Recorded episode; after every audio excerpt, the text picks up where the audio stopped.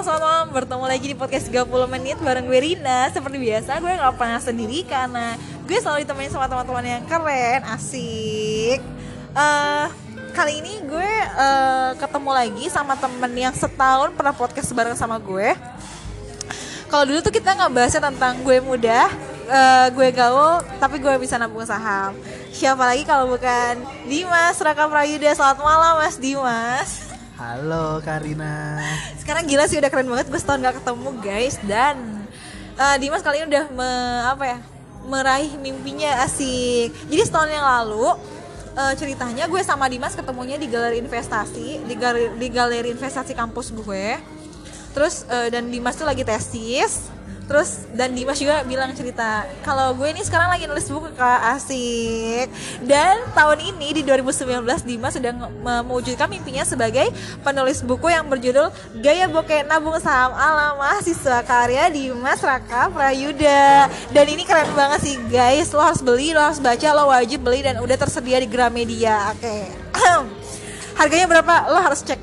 Harganya murah kok. Ini standar mahasiswa banget dan emang karena uh, um, Dimas ini bikinnya nggak mungkin mahal-mahal karena dia tahu banget ini segmennya mahasiswa ya. Jadi udah tersedia di Gramedia Depok, Gramedia Matraman, Gramedia G Grand Indonesia ya. Terus Gramedia uh, semua Gramedia di Indonesia udah banyak banget guys. Dan ini gue dapat langsung tanda tangan dari penulisnya asik dan keren dan gue dapat uh, jadi gue nggak pergi uh, ke Gramedia langsung gue langsung datengin odong si penulisnya ini nih untuk dapat tanda tangannya ya karena tanda tangan dari penulis itu sangat apa ya spesial banget Dimas, uh, btw kan setahun yang lalu kita tuh uh, uh, ngebahas kalau misalkan lo nih kegiatannya aktivitasnya masih tesis, nulis buku dan uh, uh, apa ya ngurusin di galeri investasi kampus ya. Kalau sekarang kegiatan lo udah beda nih, asik udah jadi penasehat, penasehat apa nih jadinya? Gimana mas? Ya kalau aduh Mbak Rina nih agak gimana? gitu kan karena ya jadi emang tuh tahun lalu kan emang aku sama Karina tuh emang udah sering ngobrol sih sering ngobrol bahas apa pun itu kan. Ini juga karena buku juga sebelumnya juga karena Karina nulis buku ya udah aku kepikiran juga kan. persahabat persaudaraan persahabatan nah emang ya kalau sekarang sih kegiatannya sih emang ya alhamdulillah udah lulus kan tesis udah lulus kemarin baru April ya. Ya April 30 April udah lulus tesis uh, ya alhamdulillah sih. Terus akhirnya tektokan sama ini nih sama kan penerbitku Alex ya. Jadi tektokan nulis buku. Ternyata nulis buku tuh nggak enak terus uh, uh, ngasihin kayak karena buku emang juga sharing gitu kan. Ya so far sih emang enak. Karena emang aku tuh suka sharing gitu kan. Sering buat seminar juga ya ya akhirnya nih alhamdulillah udah terbit juga bukunya kemarin juga agak pusing ngurusin orderan iya ternyata tuh ngurusin administ ngurusin online shop Iya ngurusin ngurusin online shop, ngurusin kayak ngurusin online shop jadinya ya banyak yang order buku nih, administratif banget dong mas. Iya jadi kayak butuh asisten. iya nih dicari asli. Iya jadi alhamdulillah sih sampai sekarang sih kan ada emang ada promo kan dari Alexa juga. Terus aku juga jadi yang PIC-nya ya ngurus-ngurus semuanya sih semuanya. Sekarang lagi sibuk itu. Terus juga rencana pengen ngadain launching tapi belum ada waktu. Mungkin nanti uh, aku koordina koordinasiin sama teman-temanku juga. Terus juga ya alhamdulillah udah dapat kerja juga lo kalau kerjanya betulnya ngapain nih. Dulu dulu gue gue pas uh, gue potong dikit ya. Dulu tuh pas zaman gue Eh, nggak uh, lama ketemu lo kayaknya abis lo lulus lo tiba-tiba udah update di salah satu perusahaan ter apa ya ter, yang itu diimpikan semua orang sih gue nggak mau nyebut namanya aja. Kayak wow Dimas gila kerja di perusahaan yang semua tuh orang-orang mimpiin gitu gue nggak ngerti lagi. Dan ternyata lo udah pindah kerja lagi dan aneh aneh aja gitu menurut gue. Dan semua orang tuh kayak berdarah-darah gitu mas untuk masuk perusahaan itu dan kenapa lo harus pindah gitu dan itu kayak gue nggak ini sih kayak lo nggak perlu ceritain kan itu itu urusan pribadi lo tapi kayak why Dimas gitu? Satu kata passion. Oh. karena dulu tuh sebelum aku kerja di sini tuh gue tuh udah ya kerjanya bukan sesuai passion walaupun emang perusahaan gede kan. Sebut nggak namanya gak usah ya. Iya perusahaan gede. Nah akhirnya karena passion gatel banget sama dunia pasar modal akhirnya pindah ke salah satu uh, perusahaan juga. Dan khusus nanganin investor relation. Dan itu berhubungan tektokan sama ya bursa efek Indonesia OJK tuh sama terutama investor. Terus kita ngupdate data-data keuangan perusahaan juga kayak gitu sih. Oh, berarti kayak lo eh, berarti lo berusaha juga sama SGX gitu nggak sih? Sama Don Don apa sih? Donjon. Donjon Dojon ya? ah iya itu sehari-hari gue tuh ya update berita regional itu Singapura Stock Exchange terus juga Dow Jones Amerika paling ya update-update berita gitu sih kalau di pagi-pagi terus siang-siangnya ngurusin kinerja keuangan dan seterusnya sih Berarti mau sekeren apa pun perusahaannya, kalau misalkan lo nggak nggak apa ya nggak passion di sana, eh, emang nggak bakal apa ya? Lo bisa mentol juga nggak sih? Lo bisa gimana ya mas ya? Ngerti nggak sih maksudnya? Betul banget sih Karina ya. Emang?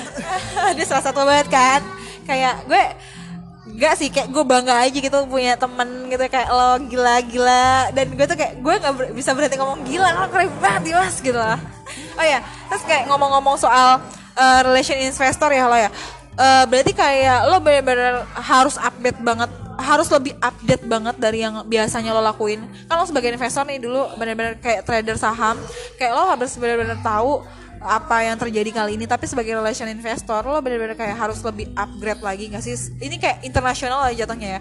Terus kayak apalagi kemarin soal uh, saham zaman saham kemarin.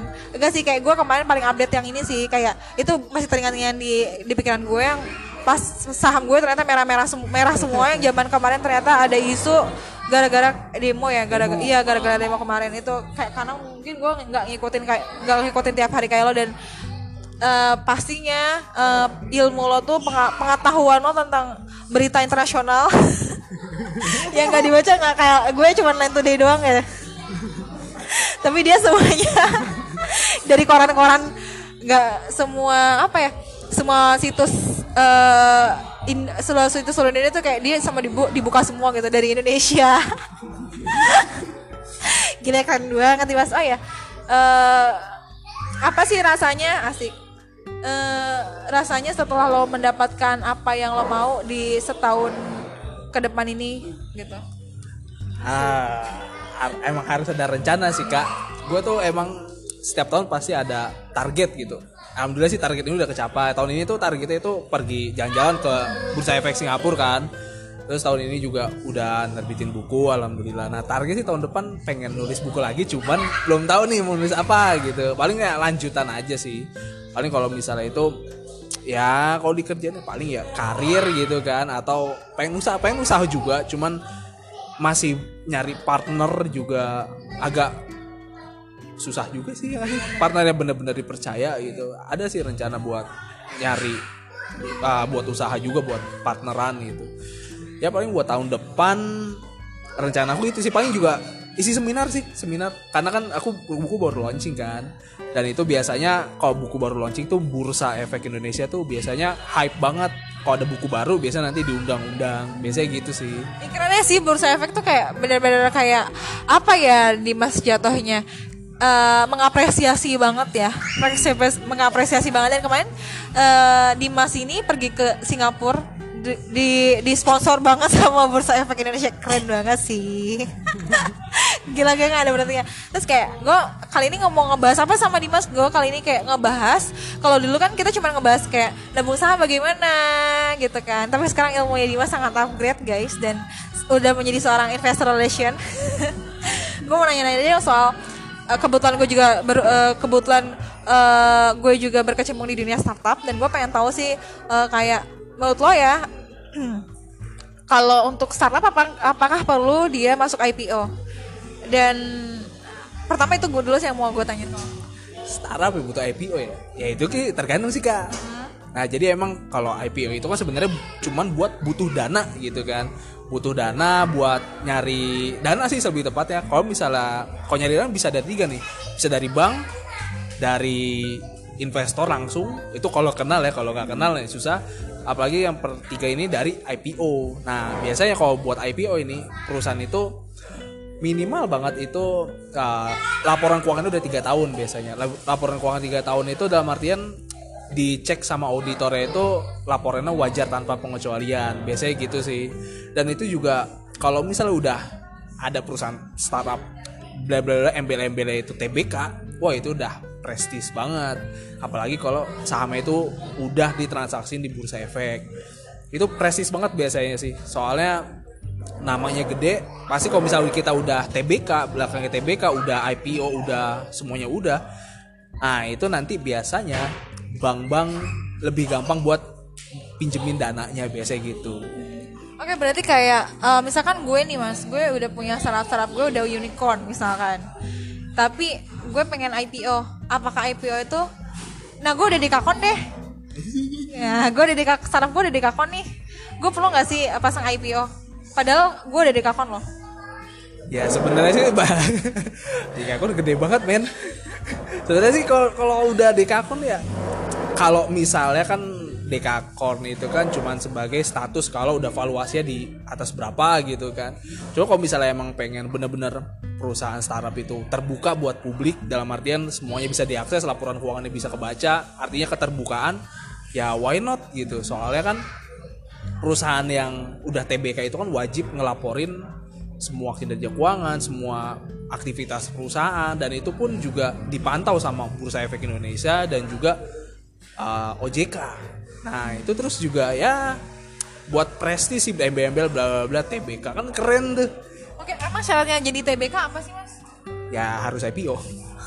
Oh, jadi persyaratan menjadi start, perusahaan startup yang TBK itu harus IPO dulu ya dan IPO itu sebenarnya nggak gampang ya. Gampang nggak sih mas menurut lo syarat-syaratnya? Wah itu gua nggak tahu sih. Cuman biasanya kalau IPO tuh ya gampang sih biasanya karena bursa sekarang pun atau pemerintah juga sekarang kan karena lagi banyak ya kebijakan tentang penghapusan investasi asing ya. Jadi semua regulasi tentang ya buat nyari dana itu udah jadi dipermudah gitu. Apalagi sekarang bursa efek Indonesia Indonesia juga udah memper, mempermudah buat start perusahaan startup gitu. Contoh ada ya perusahaan startup di Bursa Efek Indonesia itu yang baru kapan lupa lupa gue tuh IPO ya kapan itu MCAS kalau nggak salah MCAS sudah IPO itu perusahaan startup pertama yang listing di Bursa Efek Indonesia. Nah itu juga sejarah juga sih karena apa pun perusahaan itu semua orang bisa berhak buat IPO itu. Oke, jadi even gue misalkan baru bikin startup yang yang masih umur 2 tahun, ketika gue pasang IPO bisa-bisa aja sebenarnya ya. Oh tiga tahun, oke. Sorry sorry, gue tiga tahun.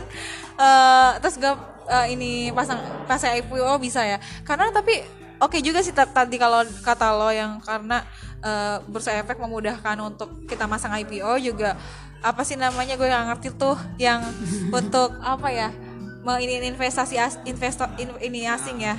Itu gue setuju juga sih sama statement itu. Terus kayak dan setahu gue eh, yang perusahaan-perusahaan yang punya IPO di bursa efek ini perusahaan yang benar-benar kayak corporate gede gitu loh. Tapi startup gue belum pernah denger sih. Karena startup beberapa startup tuh yang gue selalu dengar ada investor investor dan investor. Dan what do you think tentang investor asing itu mas? Ya kalaupun punya kenalan gitu kan.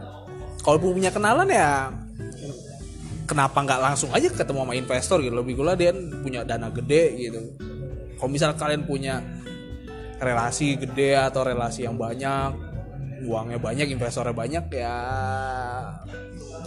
kenapa harus IPO gitu? Karena kan tujuan dari IPO IPO itu kan nyari dana gitu kan karena kalau udah punya investor ya ngapain gitu. Sebenarnya kalau IPO itu sebuah apa ya opsi lainnya sih sebuah opsi lain buat nyari dana mudah nggak cuma ke bank tapi juga bisa ke sini gitu. Oke, tapi kenapa selevel Unile- Unilever, selevel Sampurna, selevel bank-bank besar itu kenapa juga mereka punya IPO?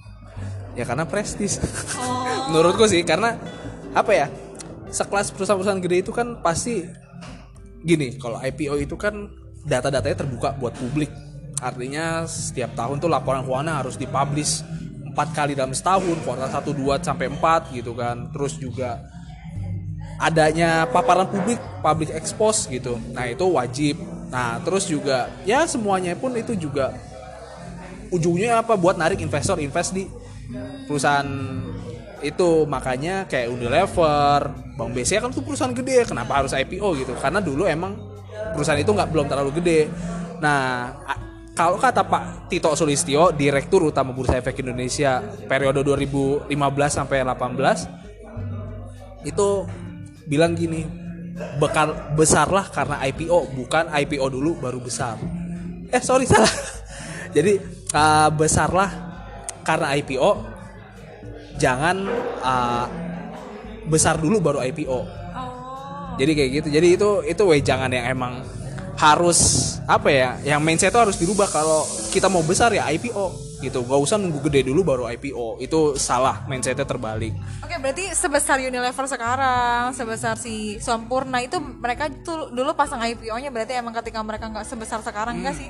Ya benar biasanya kalau perusahaan sebesar Unilever, wow itu pasti kan dari awal banget dari nol gitu kan. Nah, makanya IPO tuh adalah salah satu upaya buat kita tuh narik investor. Walaupun ya kita ada beberapa investor, tapi kan investor kalau misalnya itu itu aja ya kita nggak berkembang. Makanya diperlukanlah IPO, initial public offering. Oke, menarik banget sih bahasannya ini kayak duh gila. Gue eh, ngerasa aduh, gue ngerasa di di mana gitu ya. Berat banget bahasannya malam-malam ya. Ini Mas, kal- enggak sih kayak kalau lo kan sendiri sebagai investor relation ya. Eh, lo tuh lebih eh, apa ya selain lo juga apa sih tadi yang lo bahas tuh kayak lebih ke eh, lo harus upgrade ya intinya soal semua semua ilmu setiap hari bahkan setiap detik tuh ada banget ilmu yang upgrade. Dan itu ngaruh banget ke saham Indonesia ya ngaruh gak sih ya? Eh, selain itu apa lagi sih kerjaan lo tuh kayak itu secara itu secara apa yang secara teknikalnya deh kerjaan lo tuh ngapain sih? Sebenarnya sih kalau secara teknikal sih ya investor relation tuh ya. Namanya juga investor relation kan Kak. itu hubungan investor. Jadi kita tuh gimana uh, menjaga hubungan antara perusahaan sama investor tuh nggak renggang gitu. Kalau misalnya investor sama perusahaan tuh hubungannya renggang ya pasti kan dijual saham ya men. Kalau jual sahamnya biasanya harga saham turun. Oh, berarti karena di mas ini megang sahamnya bukan yang seribu dua ribu ya yang ah yang tete udah mainnya triliunan gue nggak ngerti lagi. Enggak ya lah perusahaan dari TBK ya nah emang kalau misalkan gue nggak ngerti sih karena di kantor gue nggak ada namanya investor relation kita beda ranah ya kalau eh, boleh dong diceritain ke eh, investor relation itu ngapain aja gitu loh Nah, biasanya kalau investor relation tuh kita harus pertama update berita ekonomi sih. Berita ekonomi, berita ya paling penting pasar modal. Ah, misalnya kayak data Bank Indonesia ah, mengumumkan kenaikan suku bunga sekian gitu. Nah, itu pertama dari berita. Nah, yang kedua, paling penting nih, paling penting itu data keuangan.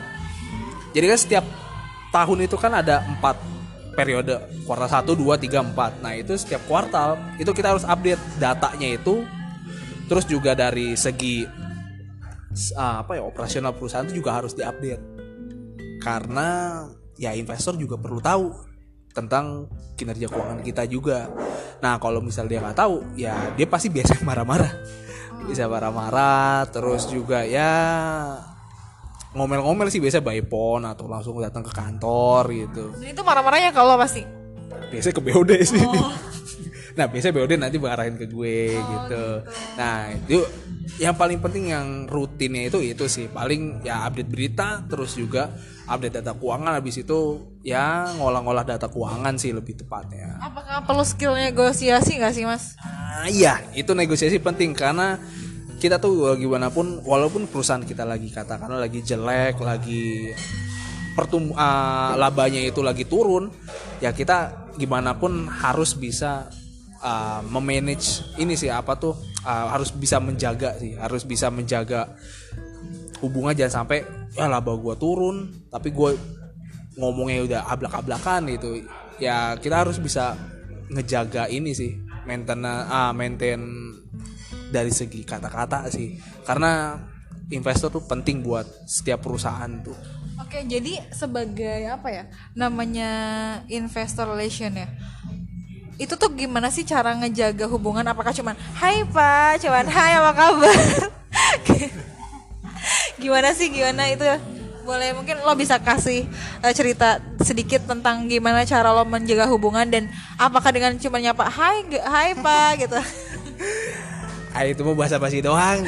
Itu biasanya kalau awal-awal gitu sih kalau awal. Nah tapi kalau sejauh ini sih biasanya kalau mau maintain sama ngejaga hubungan sama investor itu biasanya ya kita minimal inilah ngajakin ketemu atau makan bareng di kafe gitu. Biasanya kemarin baru kemarin tuh uh, bulan lalu gue uh, ketemu sama investor investor Indonesia sih. Jadi ya makan bareng sekali ngobrol terus sekalian update tentang uh, keuangan sama update segmen bisnis kan. Ya paling sering-seringnya kontak-kontakan. Ya say hello juga nggak apa-apa sih asalkan jangan berlebihan gitu kan. Paling paling susah itu kalau misalnya investor luar sih karena orangnya langsung to the point banget gitu. Jadi ya harus disesuai harus dikondisikan sih gitu. Tapi apakah sebagai investor relation itu kayak lo juga uh, harus menjawab apa tang kayak mana nih? Uh, ya itu gak sih? Kayak mana nih? Apa yang hasilnya? Suka digituin gak sih? ah ini sering banget men.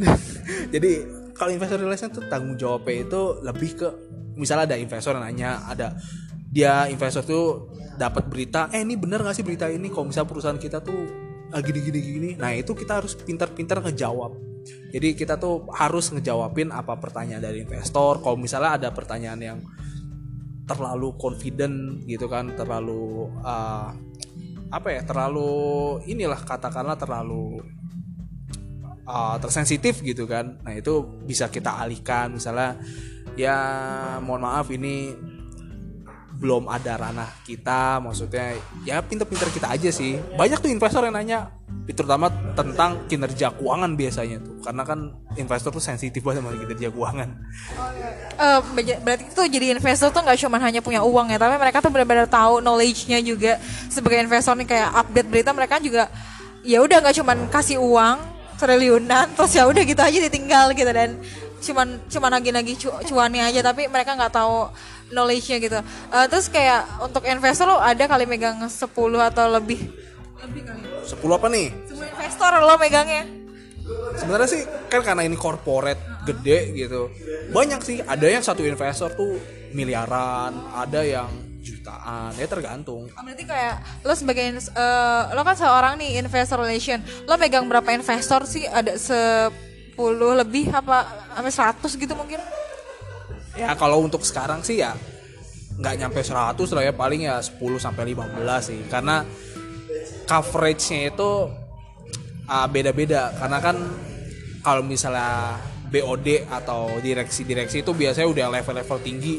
Biasanya ada investor ada investor retail ada investor yang corporate. Perusahaan corporate tuh biasanya uh, pro- investor yang gede-gede itu kayak kalau invest- investor retail biasanya ngasihnya ke gue. Biasanya ya cuman analis kadang juga ada investor yang berarti selain selain ini tuh investor juga harus jago negosiasi komunikasi apalagi ya. Kayak paket lengkap deh sebagai investor relations tuh. Kayak eh, nggak cuman nggak cuman tahu knowledge soal ekonomi Indonesia dan dunia aja sih. Eh, enggak sih mas? Terus kayak apakah teman-teman lo yang di investor relation ini eh, backgroundnya harus eh, manajemen atau ekonomi atau harus apa? Ah iya bener kalau misalnya investor relation tuh wajib bisa komunikasi. Kalau enggak amsyong nah, nah, nah kalau buat investor relation tuh wajib minimal itu dari orang ekonomi biasanya. Karena ya berhubungan sama data keuangan sih kak. Data keuangan karena kan kalau misalnya kita nggak ngerti data keuangan ya ya kita cuma bisa just say a bullshit gitu katakanlah gitu ya harus ngerti keuangan sih minimal itu minimal Gimana lo bisa komunikasi tapi lo nggak ngerti data keuangan juga percuma ya nggak sih mas? Iya benar karena yang penting paling penting itu sebenarnya di data keuangan sih walaupun komunikasi penting cuman komunikasi itu kan bisa data. ada data kita bisa ngomong gitu Iya benar. Benar, gue setuju banget ada data kita bisa ngomong. Nah terus kayak eh apakah investor relation ini adalah cita-cita lo dari dulu dan ini tercapai mungkin? ini bukan cita-cita gue men cita-cita gue tuh sebenarnya ya financial freedom tahu nah itu ya bebas keuangan sih ya Nah sebentar lagi juga Dimas bakal financial freedom nih. Amin. Sebenarnya tuh ya cita-cita aku sih jadi ini sih manajer investasi gitu. Pengennya sih gitu karena ini sharing dikit ya maksudnya dulu pas sebelum masuk di perusahaan ini belum investor relation nah, gue tuh daftar di salah satu asuransi. Jadi investment analis manager investment manager gitu. Dan sometimes uh, suka suka banget sama jobnya. Tapi karena ada sesuatu karena ada ayahku di sana jadi nggak bisa masuk. Karena kan takutnya konflik kepentingan. Ya udah akhirnya uh, nggak ambil itu akhirnya ngambil yang lain dulu gitu. Makanya jadilah investor relation sekarang. Wow keren keren tapi kayak uh, misalkan nih sebagai uh, kan kalau investor relation tuh apakah ada tahap-tahap sebelum jadi relation investor? Kayak misalkan uh, sebagai bisnis analis uh, pertamanya nggak bisa semua langsung jadi bisnis analis ya kecuali misalkan lo doang yang pinter ya. Yang dia gue gak ngerti lo sebentar apa sih otak lo? Gue gak ngerti itu apa lo makan apa waktu kecil tapi sebelum jadi BA pasti ada tahap-tahapnya lo harus jadi apa sih kayak lo harus jadi developer dulu lo harus ngerti sistem lo harus ngerti dan akhirnya lo tiba-tiba jadi bisnis dia analis. Tapi sebelum lo menjadi investor relation tuh apa kalau harus me, harus melalui tahap-tahap seperti itu atau lo bisa langsung masuk? Nah, biasanya nih ini ini gue kebalik nih. Jadi biasanya kalau mau jadi investor relation kita tuh minimal harus jadi analis sekuritas. Analis sekuritas kayak apa sih mas Nah itu analis sekuritas ya banyak Jadi kayak misalnya ya Satu aku bilang tuh investment analis Terus juga manajer investasi Atau dari equity analis nah, Pokoknya analis-analis tentang saham gitu Nah itu biasanya sebelum jadi investor relation kita wajib di situ dulu. Oh kayak kayak mungkin lebih ke sistem kalau misalkan di di di ranah gue tuh kayak sistem analis bukan sih mas kayak gitu ya lebih tepatnya. Ah, ah jadi kayak sistem analis dulu atau developer dulu lah awal-awal gitu. Nah baru jadu uh, kalau di ranah gue itu langsung jadi investor relation ujung-ujungnya. Tapi gue kebalik, gue investor relation dulu malah nih. Tapi karena ilmu lo sudah banyak banget keren sih lo, gila sih. Terus kayak, hmm, oke, okay. terus kayak misalkan uh, udah jadi analis apa ya analis analis sekuritas uh, misalkan selama 2 3 tahun dia baru bisa ke investor. Berarti investor relationship nih relation ini udah kayak uh, apa ya? Uh, suatu suatu suatu divisi yang sangat dibutuhkan suatu divisi yang udah udah udah dewa ya udah yang sangat dibutuhkan suatu perusahaan gak sih?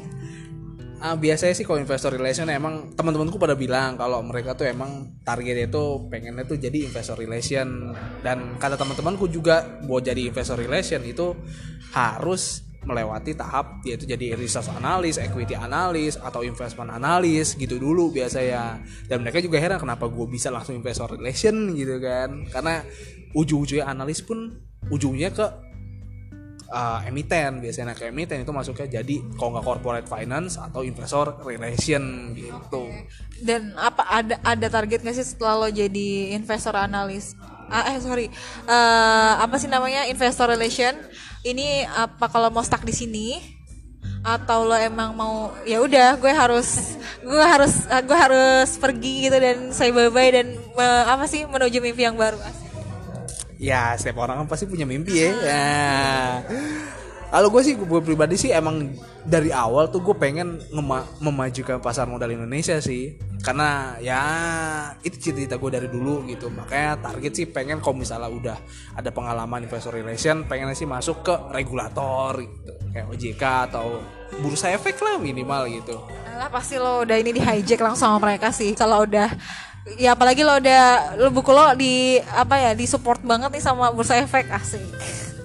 Oh iya mas gue mau dong tips-tipsnya buat teman-teman yang uh, pengen jadi investor relation. Dan apa sih yang skill yang harus mereka punya untuk menjadi investor relation? Dan khususnya untuk teman-teman presget dan teman-teman yang baru uh, lulus dan atau teman-teman yang sedang uh, meniti karir di analis apa sekuritas. Ya ini ya kalau bisa dari investor relation ya. Ya ya kayak job kayak job desk aja sih maksudnya. Biasanya tuh investor relation tuh wajib kalian itu tahu tentang akuntansi atau ya minimal laporan keuangan lah gitu. Kalian tahu. Terus analisisnya rasio-rasio keuangan tuh tahu. Nah itu yang paling penting tuh. Kalau kalian nggak tahu itu kalian nggak bisa masuk S investor relation. Nah buat skill yang kedua itu biasanya apa sih? Komunikasi ya? Nah itu komunikasi penting sih. Komunikasi penting banget. Karena kita tuh harus bisa ngejaga hubungan sama investor sama analis sama regulator nih paling penting. Karena agak ribut kok ke regulator masalahnya sih. Nah itu harus kita tuh harus bisa jaga omongan sih sebenarnya. Itu sih eh, skill dua itu yang paling penting jadi investor relation. Dan terutama nih investor relation tuh harus tahu tentang pasar modal titik. Udah itu wajib, kudu. iya.